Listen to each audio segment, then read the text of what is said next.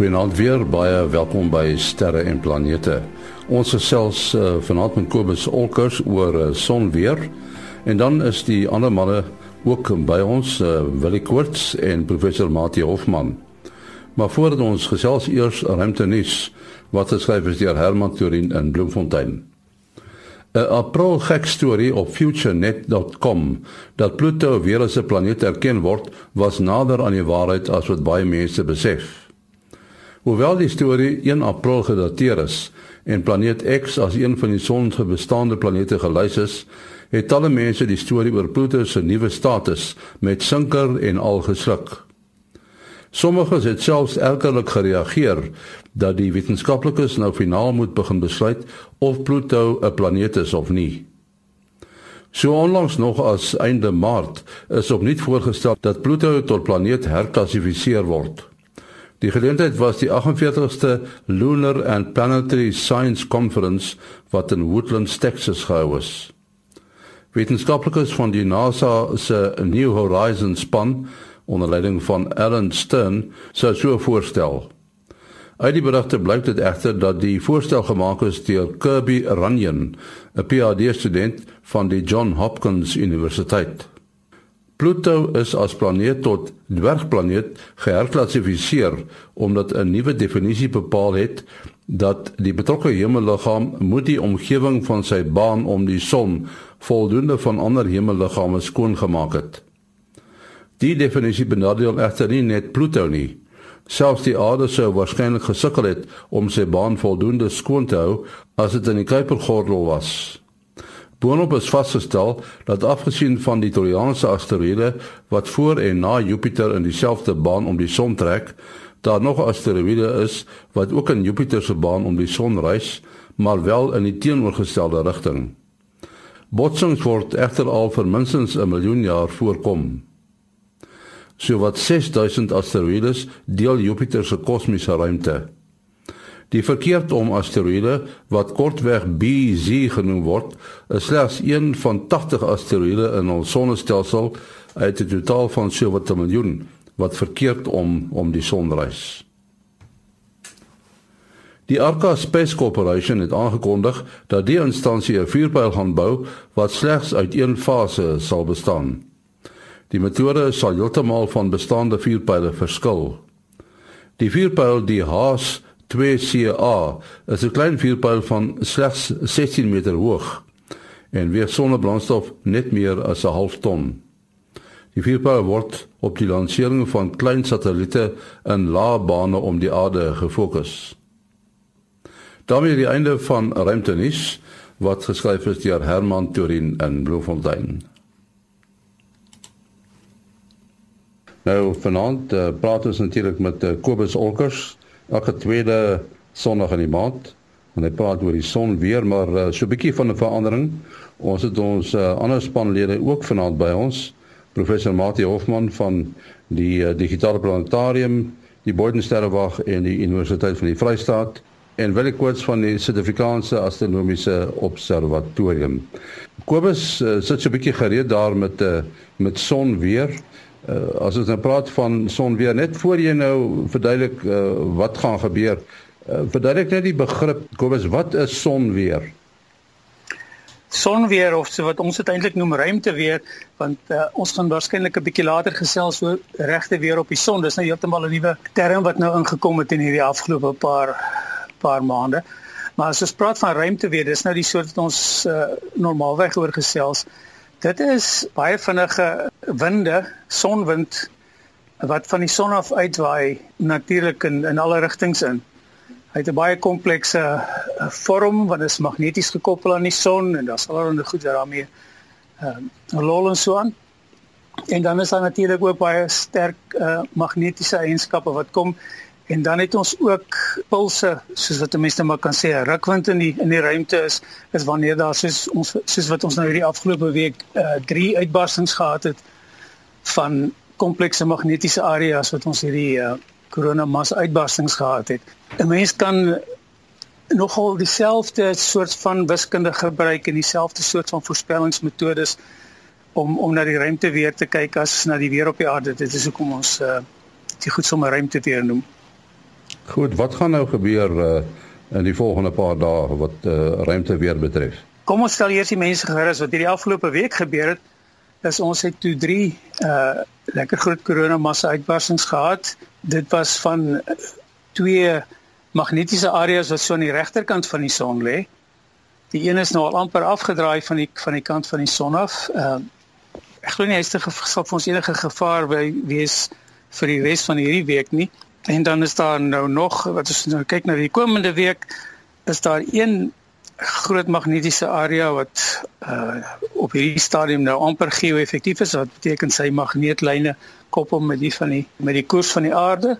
Maar hy is 'n baie mooi stabiele dipool sover maar nou ja ons het verlede week dieselfde ding gesê die ding is 'n pragtige mooi dipool en daar gaan staan die vorige ene toon hy hy verander in 'n uh, in 'n komplekse area. So daar's ook 'n kans dat dit kan gebeur en net soos verlede week uh, is daar 'n moontlikheid vir uh kortgolf uitdowing. Met ander woorde die ionoseer klank heeltemal uh, so deur mekaar dat hy glad nie langafstand kommunikasie kan ondersteun nie en dan natuurlik daarmee saam ook die die ons GPS'e. Uh want die oomblik as die as die ionoseer nou begin kantel en kartel en die soort van ding dan kom die syne van die GPS satelliete nou nie so skoon deur na ons hier op die aarde toe nie. En die een oomblik wys hy die kant toe en die ander oomblik wys hy daai kant toe net soos 'n potlood wat mense in 'n glas water indruk. En die GPS raak dan so klein bietjie deur mekaar met waar hulle nou eintlik is. En dan natuurlik die uitloopsel van die GPS probleem is uh, dat ons selfoon kommunikasie ook 'n probleem kan kry want ons selfoon netwerke gebruik die GPS syne om hulle al hulle klokke uh, te sinkroniseer. Nou maar goed, dit is dan wat wat die ruimte weer betref. En uh, ja, ek weet nie of mense kan praat van klimaat op die son nie, want uh, daar's mos nou 'n verskil tussen weer en klimaat. Die Rossby golwe. Uh, ek sien hierdie berig uh, die afgelope paar dae. Wat presies is dit Kobus? 'n Rossby golf is 'n ding wat die wat die uh, mense hier met wat met aardse weer werk al hier in die poeh, ek dink in die die 30 1930s of 1940s al ontdek het of so iets as ek nie mis dit nie. Die punt is hulle het dit lank lank al ontdek. Dit is maar net 'n Rossby golf is deel van van 'n groep golwe wat hulle planeetgolwe noem, planetary waves op Engels. Die Rossby golf spesifiek word gevorm deur die die Coriolis effekte. Nou dis 'n klomp vreeslike vreemde terme hierdie maar as ons dit nou so 'n bietjie uit uitmekaar uittrek, dan is dit eintlik baie maklik. As 'n mens nou kyk, die, die aarde draai mos nou reg. En as 'n mens nou 'n klomp water, sê maar een of ander vloeistof, probeer drukkende na die na die pole toe.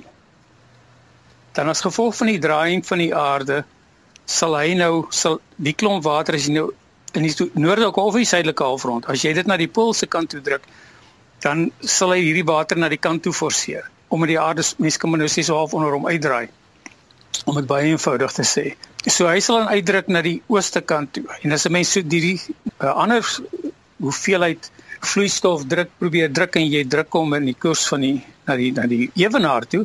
Soos ek sê dit maak nie saak of dit noord of suidelike halfrond is nie.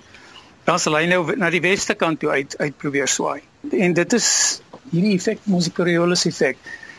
En dit is hoekom al die al die weerpatrone op die aarde so half in 'n spiraal in die rondte is uh, hierdie Coriolis effek soos wat die goed beweeg wen die wen die weer op. Kan 'n mens maar sê en dan kry jy dan op die einde van hierdie dag wat die Rossby golwe nou die Rossby golwe is soos die die Engelse alfrisse jet stream baie hoë spoed windstroom wat gewoonlik by die pole so rondom die pole gaan so al waggelend en wikkelend. En hierdie jet streams ek sal nou maar die die Engelse woord maar moet leen of is die ding wat ons ons weer hier op die aarde vreeslik baie beïnvloed. Die punt is dat van die dag wat Rossby golwe ontdek is uh, of althans wat hulle hierdie sogenaamde jet streams nou kon sien op satellietbeelde van die aarde, het die voorspellingsvermoë van ons weervoorspellers sommer baie vinnig baie ver vooruit gegaan. Ehm um, hulle kon nuwe wiskunde ontwikkel en weer op aarde kon heel wat verder vooruit voorspel word. Selfs dit het selfs invloed op die klimaat. Nou wat in die afgelope 2 weke of so gebeur het, is, is daar 'n 'n groep in Boulder het nou uitgekom met 'n met 'n met 'n studie En hulle het gesien dat daar ook rossby-golwe op die son kan voorkom. Nie kan voorkom nie, wel voorkom, hulle het dit gemeet. En hulle het dit gemeet deur te kyk na beelde so oor 'n hele klomp jare van die Stereo missie. Dit is nou twee satelliete wat so agter rond rondom die son gegaan het. Een het linksom gegaan en die een het regsom gegaan. En ons kan nou met die, met die hulp van hierdie satelliete kan ons reg rondom die son sien wat aan die gang is. So ons het 'n volledige 3 3D beeld van die son gehad. Op hierdie beelde kon ons as ons nou gaan kyk het na die 191 angstrom beeld ekstreem ultraviolet kon hulle die sogenaamde helder punte in, in Engels noem hulle dit die bright points op die son sien. En oral waar hierdie helder puntjies sigbaar was, was dit 'n aanduiding van hierdie Rossby golf reg onder hom, diep in die in die in die in die volume van die son.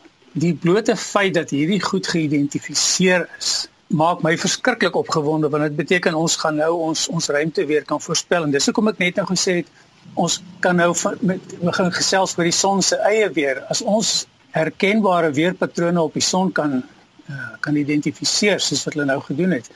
Dan kan ons nou die son se eie weer gebruik om vir ons te voorspel wat in die ruimte weer gaan gebeur wat ons natuurlik hier op aarde beïnvloed.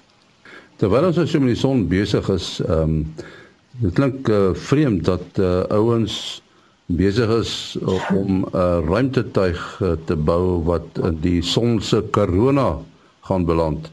Dit is nou uh, die sogenaamde Solar Probe Plus SPP wat die die uh, Johns Hopkins Universiteit se uh, fisika laboratorium gebou is. Nou weet ek nie of julle daarvan gehoor het nie. Nee, ja, ek, ek het nou hier so na Kobus geluister en nou voel ek soos die ou wat gesê het there has been an alarming increase in the number of things I know nothing about. But ons moet voel ons moet van ons meer en meer dinge weet en alles gebeur vinniger en vinniger en al die ontdekkings. Uh nou teen die tyd het Kobus ons nou al baie goed oortuig uh die son is baie belangrik en ingewikkeld en interessant, maar om te te kan voorspel wat met die son weer gaan gebeur is belangrik vir ons op aarde. Nou elke keer as hulle nou sendinge die ruimte instuur onder andere na die son soos as mens nou dink aan die Solar Dynamics Observatory en die uh uh stereo uh sending met dit kos in die orde van ten minste honderde miljoene dollars of partykeer 'n paar biljoen dollars maar as daar nou van hierdie geweldige storms of uitbarstings van die son die aarde sou bereik wanneer ons nie gereed is daarvoor nie dan kan die skade in die orde van triljoene dollars wees. So dan is dit nou klein geld waarvan mense praat as hulle hierdie sendinge beplan en, en bou en uitvoer. Die Solar Probe Plus is nou 'n volgende generasie sending om nou baie nader aan die son te kom as enige ander tuig in die geskiedenis. Nou wel, dit moet nou nog ge gebeur. Uh die tuig word gebou deur uh, soos jy nou gesê die John Hopkins Universiteit.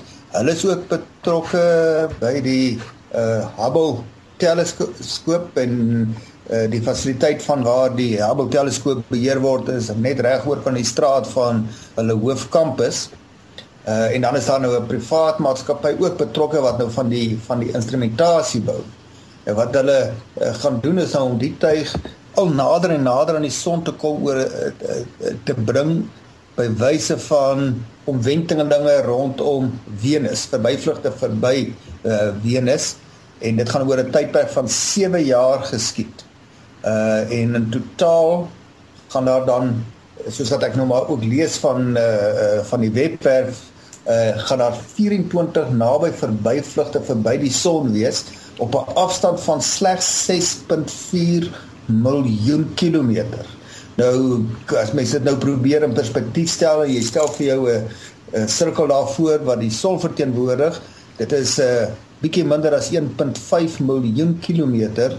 Uh, so dit is net uh 4 keer verder as wat die son groot is. So dit gaan baie hoë temperature wees, maar dan deur die van die instrumente wat nou onder andere die sogenaamde Faraday kap uh insluit. Dis 'n toerusting wat nou reeds in die 1800s deur Faraday ontwikkel is om gelaaide deeltjies uh te kan bestudeer. Gaan hulle dan kan bepaal uh onder andere van uh wie die eienskappe oor die spoed van die deeltjies wat in die sonwit voorkom. So dit lyk vir my sonder om nou op al die besonderhede ingaan, die die die die sonfisiese het goeie idees van wat daar aangaan in die sonwind, maar daar was nog nooit so naby aan die werklikheid gekom nie en enige goeie idee of teorie wat jy het, moet jy gaan uh gaan toets aan die hand van van meting en jy het baie keer ook parameters nodig, uh werklike gemete data om in jou modelle te kan insit. En Kobus sal sekerlik meer inligting kan gee van presies hoe hulle dit doen. Nou net 'n interessante eienskap wat ek ook hier sien van hierdie sending, uh, dit gaan die tuig omdat hy nou so naby die gravit groot gravitasie kragveld van die son gaan beweeg rondom die son gaan die vinnigste tuig nog wees wat deur die mens gebou is uh met 'n spoed van 200 km per sekonde dan relatief tot die son. Nou is vir ons tipies om in terme van uh ruimtesendings te dink wat in die orde van sê 50 km per sekonde beweeg, dan is dit nou al baie vinnig. Uh, hier word nou gepraat van 'n spoed van uh 4 5 maal vinniger. Ja, mense vra natuurlik uh, hoe kry hulle dit reg om vinniger te gaan? Ja wel, dis nou maar net danksy die gravitasie. Die tuig word gelanseer vanaf die aarde. Jy moet genoeg energie hê om hom hier weg te kry en dan word hy nou ge, gevang deur die gravitasie van die son. Sodra jy vir by die punt kom waar die aarde sterker trek as die son, dan gaan hy na die in die rigting van die son val. Nou moet jy maar net in 'n baan gaan en dan gaan hulle ook gebruik maak van verbyvlugte verby Venus om nou ook te sorg dat hy nie reguit in die son inval nie en ook nie weer verbyskiet die diep ruimte in nie. So dit is nou altyd 'n mooi balans van die spoed waarteen die tuig beweeg op 'n bepaalde afstand vanaf die son en die rigting waarin hy beweeg. Uh sodat hy in 'n baan kan gaan en die baan kan sal nou tipies of ellipties kan wees wat hom wat wissel van baie naby aan die voorwerp tot baie ver soos wat hulle nou tans met die Cassini tuig doen en wat die komeetbane is of 'n meer sirkelvormige baan. Ek is nie presies seker hoe hoe die baan van hierdie tuig gaan gaan lyk nie. Ek uh, vermoed dit gaan 'n bietjie ellipties wees uh sodat hy kort tye naby baie naby aan die son uh spandeer en dan sy metings kan doen en dan weer vir 'n groter deel van sy vlug bietjie verder, maar dit sal ek nou moet gaan gaan kontroleer. Ja, hulle maak nou van die slingervel effek gebruik, né? Nee. So in die geval van ja, van Venus om dan nou genoeg energie te kan te, te kan gee sodat hy nie in die son in, inval nie. So as jy nou naby aan die son is, dan moet jy baie vinnig beweeg om nie in die son in te val nie. So die die die naby verbyvlugte van Venus gaan dan nou sorg dat hy nou net mooi die regte baan uh parameters het om in daai tipe baan te wees wat hom naby aan die son kan bring. Ja, dis pragtig hoe hoe die ouens dit reg kry nê. Ehm um, wat hulle eintlik mos maar doen het ek gehoor eendag by iemand wat nou meer van die dinge weet as ek, is dat hulle so klein bietjie van die van die energie, van die kinetiese energie van die planete steel om hierdie ding nou flinker te maak, trek en en so aan. En ek ek sien hierdie hierdie ouetjie se perihelion is hier by die ja nee, hulle meet dit nou in gigameters, 6 gigameters. Mens moet eers somme moet doen. Ja van daardie van daardie effekte gepraat uh wat jy nou energie steel as jy as 'n tuig met 'n baie baie kleiner massa as 'n planeet nou daar verbykom. Daar was nou so 'n bietjie video's in die afgelope week op ons uh, Facebook uh, groep geplaas wat dit nou mooi verduidelik. Jy kan gaan dink aan 'n sagte elastiese botsing. So daar word nou uh nie gaan nie kinetiese energie verlore nie, maar daar kan wel energie oorgedra word. Nou as 'n mens nou 'n voorbeeld gaan noem van 'n bots el, amper elastiese botsing waar jy nou 'n uh, baie kleiner liggaam het wat bots met 'n baie groter liggaam, dan kan jy nou iets vat. Ek weet die uh Willie het so 'n videoetjie of 'n demonstrasie wat hy altyd doen wat jy nou 'n tennisbal en 'n netbal vat en jy laat hulle uh, hou die tennisbal bo die netbal en dan laat jy hulle gelyk val. Nou net voor die tennisbal die netbal tref, draai hy die netbal om. Hy bots nou teen die grond en dan begin hy opskiet. En dan het jy nou 'n botsing uh van 'n baie swaarder liggaam met 'n baie kleiner liggaam. En dan skiet hy daai tennisbal baie vinniger weg as wat die tennisbal net voor die botsing beweeg het. So jy kry nou daardie groot hoeveelheid kinetiese energie oordrag. Nou die effek op die klein liggaam is groot, maar die groot liggaam toon amper nie die effek nie. So as uh as 'n ruimtetuig nou bietjie kinetiese energie by sê nou maar Venus gaan uh gaan steel as ons dit so wil stel, dan gaan jy nie enige merkbare effek op Venus se beweging sien nie omdat hy so uh groot is, maar op die ruimtetuig sal jy baie groot effek hê. Maar dit was nou moeilik om te dink aan uh om uh, aan die interaksie tussen die die ruimtetuig en die gravitasieveld van 'n planeet as 'n as 'n botsing, maar 'n botsing sou mens kon definieer as 'n interaksie tussen twee liggame wat oor 'n kort tydinterval duur in vergelyking met die totale beweging wat bestudeer word. So sê nou maar die tuig het nou 'n hele klompie maande gevat om van die aarde tot by Venus uh, te beweeg en hy sweep daar verby in enkele dae, dan voldoen dit aan die uh, vereistes van 'n botsing. Jy kan dit analiseer in terme van die situasie net voor die interaksie en die situasie net na die interaksie en wat presies gebeur tydens die interaksie is dan van minder belang. Die situasie net voor die voor die interaksie, is die trein is op pad na jou toe. Die situasie net na die interaksie is uh, die trein is nog steeds op pad. jy gaan geen verskil ja, ja. sien nie. Ja, ja, ja, ja, dit is 'n analogie. Jy het uh, ongelukkig die voorwerp waarmee gaan ver geslinger word. Ja, veral as dit nou 'n 'n elastiese botsing uh, is. So 'n voorbeeld daarvan sou wees en dis nou nie 'n uh, eksperiment wat mense moet gaan doen nie? En die uh, die jong seuns wat luister moet nou hulle ore toe druk want hulle wil alles probeer wat hulle doen maar as jy nou kos vat nou maar 'n uh, tafeltennisballetjie wat lekker sag is wat nie gevaarlik is nie en jy sou om voor 'n uh, vragmotor wat teen 100 km/h beweeg laat inval met uh die mate wat jy lugweerstand kan ignoreer, gaan hy dan vorentoe spring teen dubbel daai spoed, 200 km uh per uur. Uh so dit is nou 'n toepassing van die beginsel. Ietsie ietsie vir die mythbusters, nee. Ja, goed, uh ja. wil jy wil jy uh, weet jy iets oor die Lovejoy komeet? Ja, ehm um, ons is uh, in die suidelike halfrond, mense kan terugdink aan 2007 toe ons Bandstars gehad het, die ou met die Weierster en in, in 2011 kon onthou was daar ook 'n komeet met die naam van Lovejoy, so lank dun sterretjie gehad. Nou Terry Lovejoy is 'n Australier en in dit wys net vir jou as jy op die regte plek is uh, in, in jy hierdie nismark uh, amper dan kan jy goeie goedjies ontdek het. Um, intussen al 6 komete ontdek. Eilik uh, 2011 se komeet was sy tweede ontdekking en um, In 2013 was daar ook een wat uh, uh so helder geraak het dat jy dit met die blote oog kon sien. En op hierdie stadium is daar weer 'n komeet uh wat nou skielik 'n uitbarsting uh ondergaan het en uh nou nog nie heeltemal met die blote oog sigbaar nie. En uh en ons vriend daar van uh, van Limpopo met die Soutpansberg uh sterkende klap Kos Coronoius het op ons Facebook bladsy ook 'n foto of twee geplaas. Um intussen het die komeet nou baie ver suid beweeg. Kosse foto wys nou nog nie regtig 'n ster nie, dit wys nou net hierdie hierdie kop van die komeet wat so 'n bietjie uitgeswel is. Uh en tipies groen groen van kleur.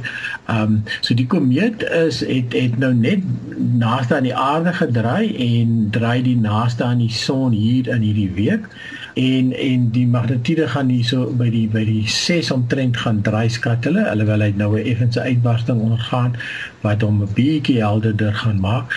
Ongelukkig die slegte nuus is nou dit uh dat uh, hy is nou heeltemal oor die uh, noordelike horison gaan draai eintlik byna aan die Andromeda galaksie en beweeg dan deur die die groot vierkant van Pegasus in in die week wat wat kom en ehm um, so, uh, so ongelukkig is is is ons is die is die is die vertoning nou verby vir ons in die in die suidelike halfrond. Die noordelike mense lek natuurlik hulle lippe af want ons het nou hierdie twee komete gehad in die afgelope klompie jare in die suidelike halfrond wat hulle glad nie kon sien nie. So hulle so reg so reg elke 20 jaar kry mos nou so 'n ou lekker helder een. So hulle lek behoorlik hulle lippe af vir 'n vir 'n komeet wat gaan helder word. Nou daar is nogal komete op pad uh, in in hierdie jaar. Uh, ons hoop net van hulle uh, gee vir ons 'n lekker vertoning. Gewoonlik is dit iets wat die uit die bloute uitkom wat gewoonlik ons kom verras. So dit is ongelukkig een van jou moeilikste voorspelbaarste voorwerpe. Kan wees dit nie eers 'n roei het nie. Daar is daar is 'n fotootjie op uh, uh op University Today se se webtuiste wat ehm um, uh die 4 April geneem is en dit wys tog al 'n lekker lang dun stertjie en dit lyk nogal baie soos so Lovejoy se vorige komete. So ek sê lyk my hy hy gaan uit 'n manier om die, om dieselfde te gaan uitkies wat natuurlik nou glad nie moontlik is nie, maar so ja, so dis 'n baie lang dun dun stertjie, maar dit is natuurlik slegs sigbaar met 'n baie lang beligting foto. Uh, terwyl jy nou van komete uh, uh, praat, as ons nou terugdink aan Rosetta se komeet wat eintlik nou die komeet Churyumov-Gerasimenko is, dis nou waar daai Philae tuig opgeland het. Uh ek het nou onlangs foto's gesien wat hulle nou uh teruggestuur het met die verskil en hulle nou gaan kyk na die verskil tussen uh die kenmerke op die oppervlak van die komeet van voor hy by die son verby is en na hy by die son verby is. En dit is baie interessant uh die verskille wat hulle opgetel het soos groot uh rotsblokke ek weet nou nie soliede rots is nie maar groot strukture wat van posisie verander het uh en dan is daar krake wat bygekom het. So daar's 'n hele aantal interessante veranderinge wat uh op die oppervlak opgetel is wat dan moontlik te wyte is aan weer die die wat sou mense noem die die spuite wat uh, ontstaan as dit naby die son kom of dalk materiaal wat ges, uh, gesmelt het en dan in die voorwerpe gerol. Maar dit al die eerste keer wat ek sulke foto's gesien het wat mens kan sien hoe 'n uh, komeetkern verander het tydens sy interaksie of uh, omwenteling rondom die son. Ons sluit af uh, Kobus jou besonderhede. Is kobusolkers@gmail.com k o b u s o l c k e r is by gmail.com en stuur asseblief vir my julle landlyn details as iemand wil weet. Ek bel baie makliker terug as wat ek 'n e-pos uh, antwoord. Goed, Willie. Ja, mense kan bel SMS of WhatsApp 072 0724579208